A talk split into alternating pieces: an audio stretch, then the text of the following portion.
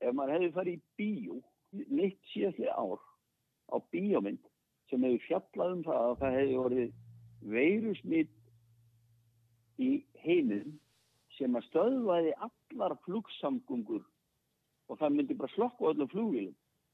Maður hefði bara lappað út og sagt bara hvaða vittlýsingu var að skrifa þetta. En þetta er bara raunverulegt í dag. Það er bara engin að fara neitt og er engin að gera neitt.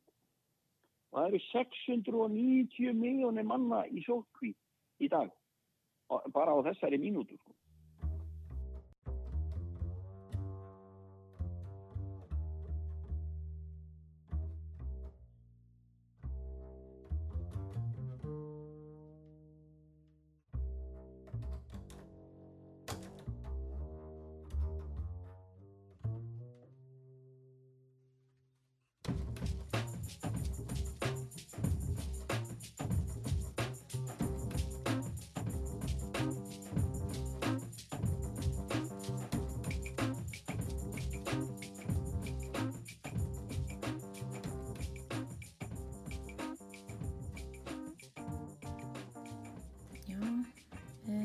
Lifum á undarlegum tímum.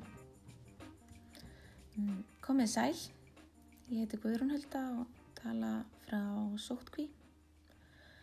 Þegar þetta lesið er þjóðfélagið að aðlagast nýjum raunveruleika sem félur í sig lítinn sem engan samgang við annað fólk, einangrun, jafnvel veikindi og fordæmalisa röskun á lífinu eins og við eigum að vennjast í. Eitt hefur þó ekki breyst. Við þurfum að borða og þetta einslag fjallar einmitt um það.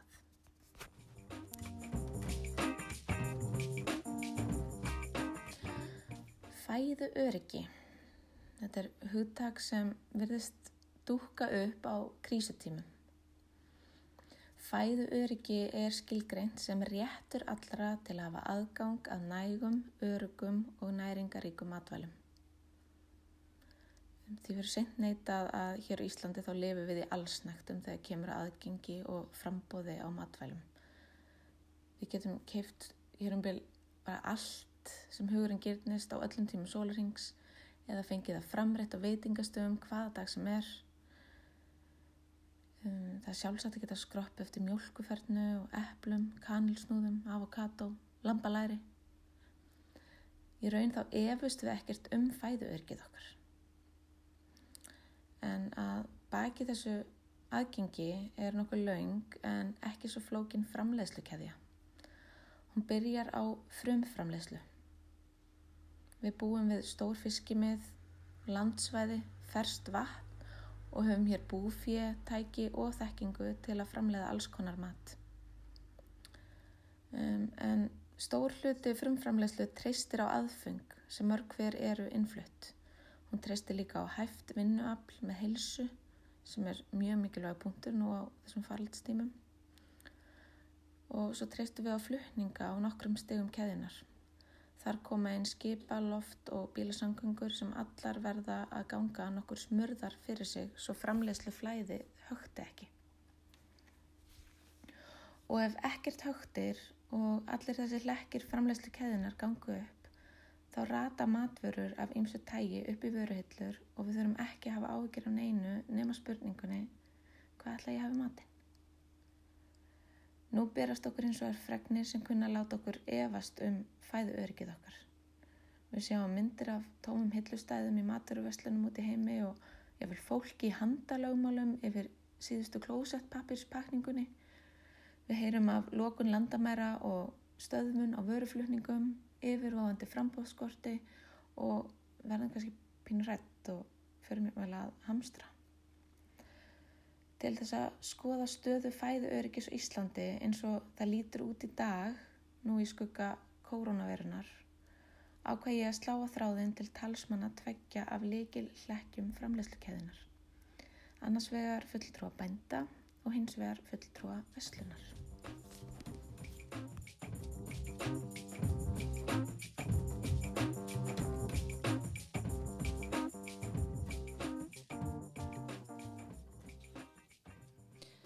Gunnar Þorgersson, garðskipóndi, er nýr í stóli formans bændasamtaka Íslands.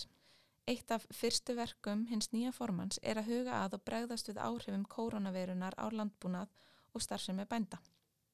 Meðal annars hefur verið settur á fót viðbregðsteimi sem hefur það hlutverk að samhæfa aðgerðir bænda, vera í samskiptum við stjórnvöld, koma á afleysingaþjónustu bænda og meðla upplýsingum um allt það sem varðar landbúnað á tímum faraldursins. Ég spyr Gunnar fyrst, hvernig lítur ástand frum framlegslu út núna? Hvernig eru bændur að bregðast við faraldrinum? Já, ég held sko í, í þessu sko framlegslu fyrirkomlega eins og verið með þetta sko hjá bændum sem einirkjum nánast út, út um alla sveitir að þá er kannski helsta öðrun svo akkurat eins og staðinu í dag er hvernig getum við komið á mótsfið þá sem að sko hafa ekki hilsu til þess að sinna búskap? Og það er nú eitthvað sem við þurfum að taka á núna þessa dagana.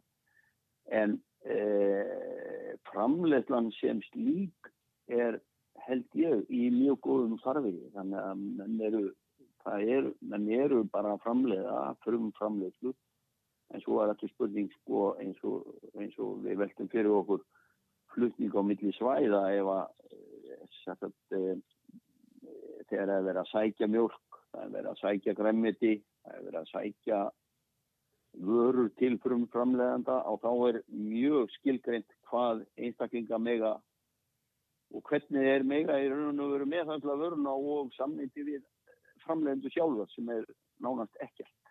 Þannig að það er tiltölulega tryggt. Uh -huh. þannig að ég er svona sem sko horfand á frumframlýsluna þá, þá hef ég ekki miklar ágjör að því Hvað eru við að horfa fram á varandi stöðu til dæmis spyrða af matvælum í landinu? Veist, er til nóga mat?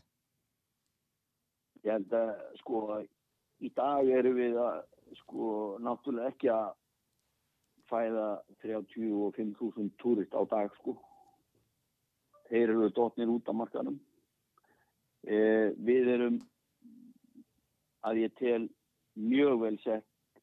Við eigum náttúrulega lampakjött fram á næsta haust og við erum að framlega mjölk á hverjum degi og við erum að framlega granniti á hverjum degi en við erum kannski svona að takmörguleika ná að annað eftirspurn sko án þess að komi innflytningu til allavega í grannitinu En, eh, en í öðrum vörum held ég að við séum bara mjög vel sett. Við erum að fá egg á hverjum degi og við erum að fá kjúkling á hverjum degi þannig að við erum, og segir, við, ég held að við séum mjög vel sett þó að, að innflutningum undir stöðast á morgun.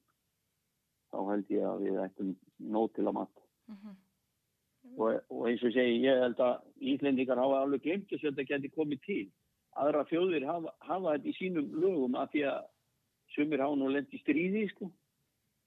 en við hefum bara aldrei upplifað svona tíma á Íslandi sko. við, okkur finnst bara alltaf sjálfsagt að fá eppli og vimber og, og allt þegar okkur langar í eppli og vimber þannig að nú segjum við bara býtum við kannski kemur bara að því að við þurfum bara að hafa einhverja vöru sem við þurfum bara að segja neittak sko eða við bara húnum bara ekki til þetta er bara raunveruleikin sko eins og hann blasir við og ég held að núna sem aldrei áður, þá held ég að sko íslensk, íslensk þjóð þurfa að fara bara skilgreina það hvað við viljum láta framleiða á Íslandi og, og hvað við viljum láta uh, lúta í, í, í lærahaldi fyrir innflutningi. Kanski hefur við verið aldrei frjálslegu um það að fella niður totla af öllum sköpum luta því að það er svo svakalega ódýft frá útlandum. En svo stöndum við bara fram með fyrir því að við erum hægt að framleiða sumavöru að því að það var svo útýrt að flytja hana fór á útlöndum og þá séum við bara upp og sí þetta var náttúrulega aldrei óefilegt sjáum bara til dæmis eins og í, í grænitinu sko. Það er bara fullt af græniti sem er totlust í innflutningi hinga til lands. Og grænitispændur hafa ekki verið að framlega þessa vöru í samkjafni við innflutningin af því að það hefur enga fórsöndu til þess af því að tollvendin hefur ekki verið til stað -hmm. og, og sjáum nú nýjasta dæmi núna eins og til dæmis í osti nú er sko ef þú setur ykkur 57% af júrtafittu í ost þá getur þú sett það sem yðnaður en ekki sem ost og, og og núna flæða inn fleiri, fleiri, fleiri tonn að þessum yðnaðarosti sem er náttúrulega bara sko ostur í mínu huga sko. Nei, nei, þá, þá bara glemdu menn að sko ef, ef það er júrta fitta í honum að þá er hann skilgrindu sem yðnaðarvara en ekki sem júrkuvara. En hvað telur þú þurfa að gerast til að liðka fyrir og auka græmyndistræktun á Íslandi? Í fyrsta lagi þurfum við náttúrulega að hafa fyrir sjáanleika í því að sko flutingur rávorkonni sveplist ekki eftir því hvað menn eru að lýsa mikið. Þetta er eins og staðinni í dag að þá eru bara með skilgrinda upphæði niðurgriðslu og flutingi rávorku og að þessu ári er þetta 304 miljónir sem að fer í niðurgriðslu og flutningum og ef við aukum við lýsingu þá finnist bara smjörið. Bara dreifast þess að 304 bara á fleiri kilóastundir Þannig að menn eru aldrei að sjá fyrir sig sko eins og tekið fram í búðursamning að stemta 95% niðurgröðslu og flutningir á okkur en það, það heldur ekki ef að menn fara að auka við lýsingu. Þannig að ég held að við þurfum að stóru auka fjármunni til niðurgröðslu og flutningir á okkur á meðan að menn finn ekki aðra lausnir í gegnum flutningskostnaðin og síðan þurfum við að hafa þennan fyrirsjáleika í tollaumhverfinu. Það þýðir ekkert að að sko að segja í dag að það var skynsanlegt að bæti í framlöfluna og ef við ætlum svo að breyta tollaumhverfinu á morgun sko. þannig að við þurfum að hafa að því að þessar fjárfreytingar eru sko leipur á hundruðu miljóna og menn er ekki að fjárfreysta í svoleiðis fyrirtækjum ef að menn sjá ekki fram á það að geta verið með tryggt rekstrar umhverfi allavega leikregluna skýrar næstu tíu ára sko. Og svo þurfum við náttúrulega að horfa til þess í útirættu við græmiti að við þurfum svolítið að uh, fá stuðning uh, á landgreislur í landbúnaði í útirættu við græmiti þannig að við sko skilgreinum að land til mannveldis sé með herri stuðul, stuðul heldur en bara búið til grafs Þannig að ég held að það séu sóknarfæri þar og við erum svolítið rætt það við ráðunitti og menn er svona alveg umhugað um að reyna að koma og mótsið okkur í því en ég held að það væri, væri gríðalög kostur. Mm. En því nú hefur verið að heyri maður svona út undan sér að það séu bara tóm gróðurhúsum út um alla koppagrundir. Um, væri ekki hægt að fylla það af mold og fræ og, og byrja að rekta bara frá morgundeginum? Jó, það var ég sjálf það takt sko en eh, mikið af þessu er náttúrulega orðið úrrekt sko því að e, það sem að er hefur verið vandamáli og þá sérstaklega sko í svona sumarræktunar tímabili að svo, þú getur rækta tómata yfir sumartíman á þess að vera með lýsingu sko. En mikið af þessum húsum er náttúrulega bara svo gamalt og úrrekt að þetta bara gefur ekki af sér sem að þarf að gera. Eins og staðan er í dag að þá, þá byggja menn ekkit gróður úr sorðið sko eins og í tómataframleyslu nema með sko 6-7 metra vekkhætt í gamlu húsónum er þetta svona 2,20 þannig að menn eru ekki að fá nema sko 60% af uppskerunni með við alvöru húsnæði þannig að þetta er svolítið að fælast fyrir okkur líka sko það er, það er, það er, ekki, það er ekki bara nóg að fá okkar grænt upp sko það, þarf líka að vera þess verði að geta farið út og tínt sko. -hmm. Varðandi þátt vöruflutninga og aðfanga gætu minni vöruflutningar aftrað matvælaframlöslun á eitthvað hátt? Ég, svona, ég mestar ágjur af lífrænum vörnum í garðinskinni í dag sko. Af því að við fáum sko sendingu einu sinni í viku garðinskinbendur allir hættir að nota varnarefni sko. Þannig að við erum mjög hátt í að fá lífræna varnir vikulega. Og ég er gríðarlega ráðgjör að því ef að við, sko, nú er náttúrulega reikna menn með því að mittilandaflug leggist af bara um mánuðamundin og þá er þetta bara í, á grunni fraktflugvila, sko. Komum við þessu alltaf með fraktinni, sko, það er eitthvað sem við verðum að skilgreina að sé lífsnauðsilegt fyrir okkur að fá það með fraktinni, sko.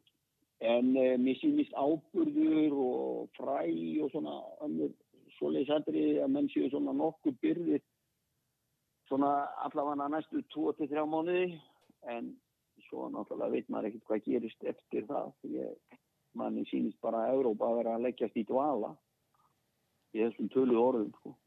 Já, þetta hefur bara breyst á 14 dögum sko. þetta er ekkit þetta er ekkit eins og þetta bara sko, þetta er ekkit eins og þetta sé búið að hafa einhverja þryggja mánu að meðgum sko. mm -mm. þetta bara gerist bara eins og hendi sér veiða sko.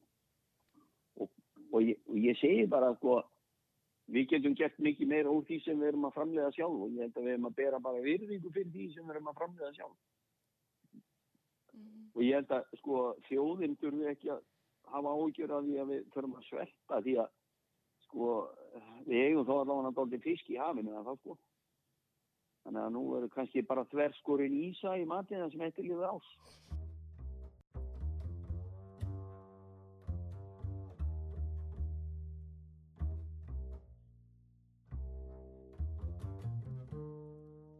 hafði búndin að segja.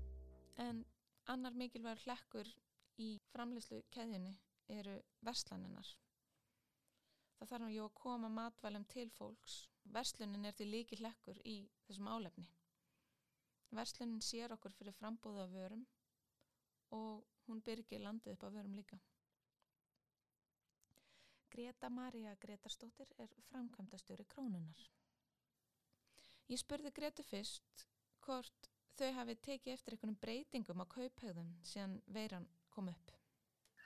Já, við erum að sjá hérna, eins og við oftið í vestlunum gerum að tala um þurfur sem er þá ekki fyrir ferskvara, ekki ásagræmiti og ekki ferskvið kitti og ekki brauði og mjölkin að þurfvaran er að aukast talsast sem eitthvað sem við hefum ekki verið að sjá undanfæra ár.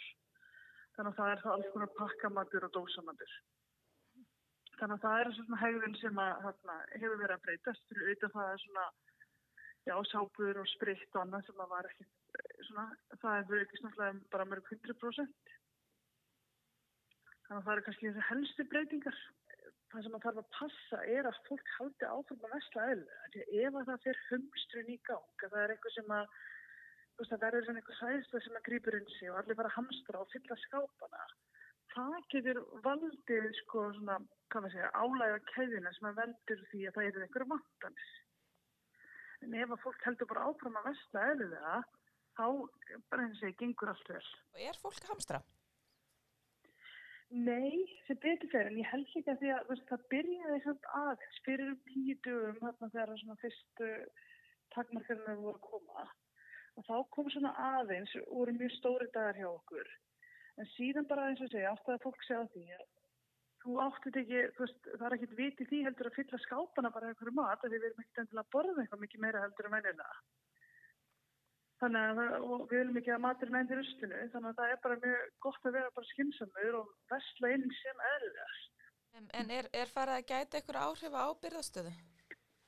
Ég vil sjá til þess að það er ekki komið að því, en það er alveg eins og Ítalija og hérna spátt við þurfum að taka vörður frá ymsu stöðum. Að við búumst alveg við því að það gæti eftir einhver tíma orðið svona hægara flæði líka með því að loka landamenn og það hefur áhrif. Að það ekki gæti tekið lang, lengri tíma fyrir okkur að fá vörðunar þannig að en eins og sé en í dag við erum ekki nei ekki í landinu vandræðum. Sjáu þið einhverjar breytingar fyrir einhverjar breytingar að vera úrvali? Nýjar kannski bara eins og ekki okkur það hægist á því því að þarna, við erum alltaf með ákveðin svona vöru glukka þar sem við erum að taka nýja vörur.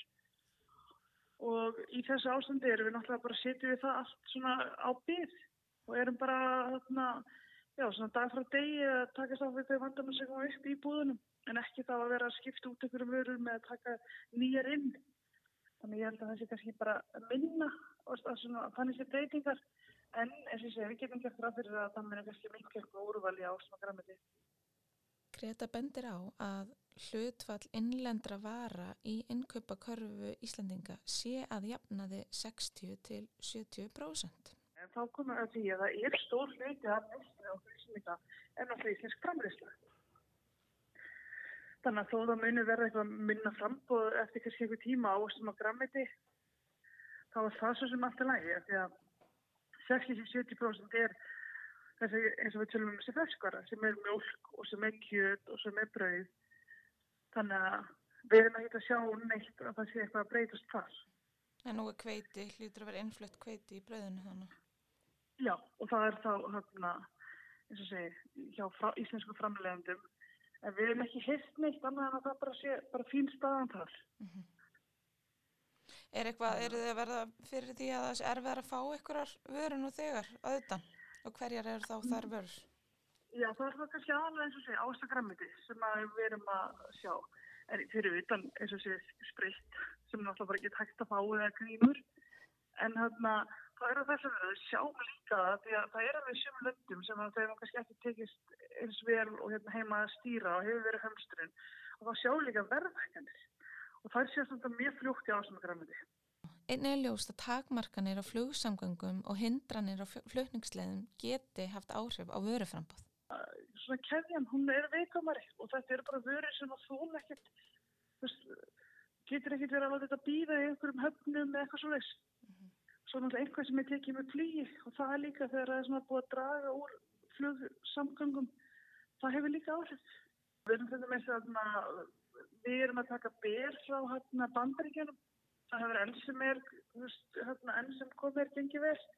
En við meðum alveg búist því að það munir verða eins og segja minna frambóð síðan hérna sem betur fyrir bara en það alveg skipa samgöngur alveg á daskra og gengur vel.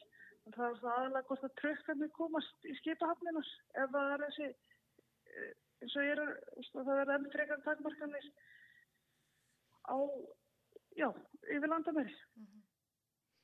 Eru þið að grípa til einhverja ráðstafana vegna ástandsins? Já, við höfum verið að sagt, reyna að auka byrðamagna hjá okkur í þurfurunni inn í vöruhús en síðan erum við bara að leggja á áslægi að gott hana, samstarfi við íslenska framlegendur og heyriði þeim hvernig staðan er og svo kannski getum við bara kannski verður bara hérna, útlutningur og fisk sámar í þetta hefur raunni þannig að kannski munum við að já, munum við aftur fara að bóða meiri fisk maður, eins og sér, maður veit ekki Okay. En akkur ætti það ekki að gerast? En meitt? Af því einhvers, einhvers þarf svo fiskur að leita. Akkur ætti að fengja að leita í íslenska marka. Okkar er þetta ekki að segja allavega enn sem komið er og framistæðilega að það sé allt bara eins og það á að vera. En svo spyrir maður sig að það selð sko í löndum þar sem er sett bara miklu meiri takmarkanir á hvaða tímapunkti muni er bara að loka og vara verður ekki til. Þannig að þú fáir ekki mögulega einhver ítalsku osta eftir einn mánuð eða einhverja ákveðna skynkutegundir frá spáni. Þannig að það er kannski eitthvað svona sem maður sé að getur mögulega dottið eða hægt á í vörúrvalinu. En eins og sé, eins og komið eru þessi framlegendur hérna, er ennþá með fulli farmæslu getu. En drátt fyrir að úrval getur breyst lítilega þá sé engin hætta á vöruskorti í matvöruveslunum? Ég held að hérna, eins og með maturveslanir þeim er alltaf haldið, þetta er bara grunnstóð að sína sér svolítið hvað veslunin hvað maturveslunin er mikilvæg. Það er ofta sér störri sem var ekki búin mikil virðing fyrir. Þetta er svona eina grunnstóð eins og helduvískerfi og maturkerfi í samfélaginu. Það skiptir miklu máli að það er eins og segja að fólk bara haldir ósinni því að það er mjög auðvöld það þarf ekki mikið til að ef einhverju byrja hamstra og klárast eitthvað, þá fer alltaf hliðina og þá hefði komið líka oft þessi fæsla og fólk fer þá og kaupir bara inn með mitt og fyllir alla skápa og endar svo með að henda eftir ykkur tíma og næðum þá ekki neitt. Þannig ég held að það sé svona, og þarna ég held að í núna, alveg undirfærum dag, hefur það tekist rosalega vel að þarna að fólk sé bara, herru, þú veist, við þurfum ekki að fylla hérna allar skápa af einhverjum vörum sem við komum ekki til með að nota, við þurfum við matin sem að þarf í matin. Þannig ég held að það sé gríðilega mikilvægt.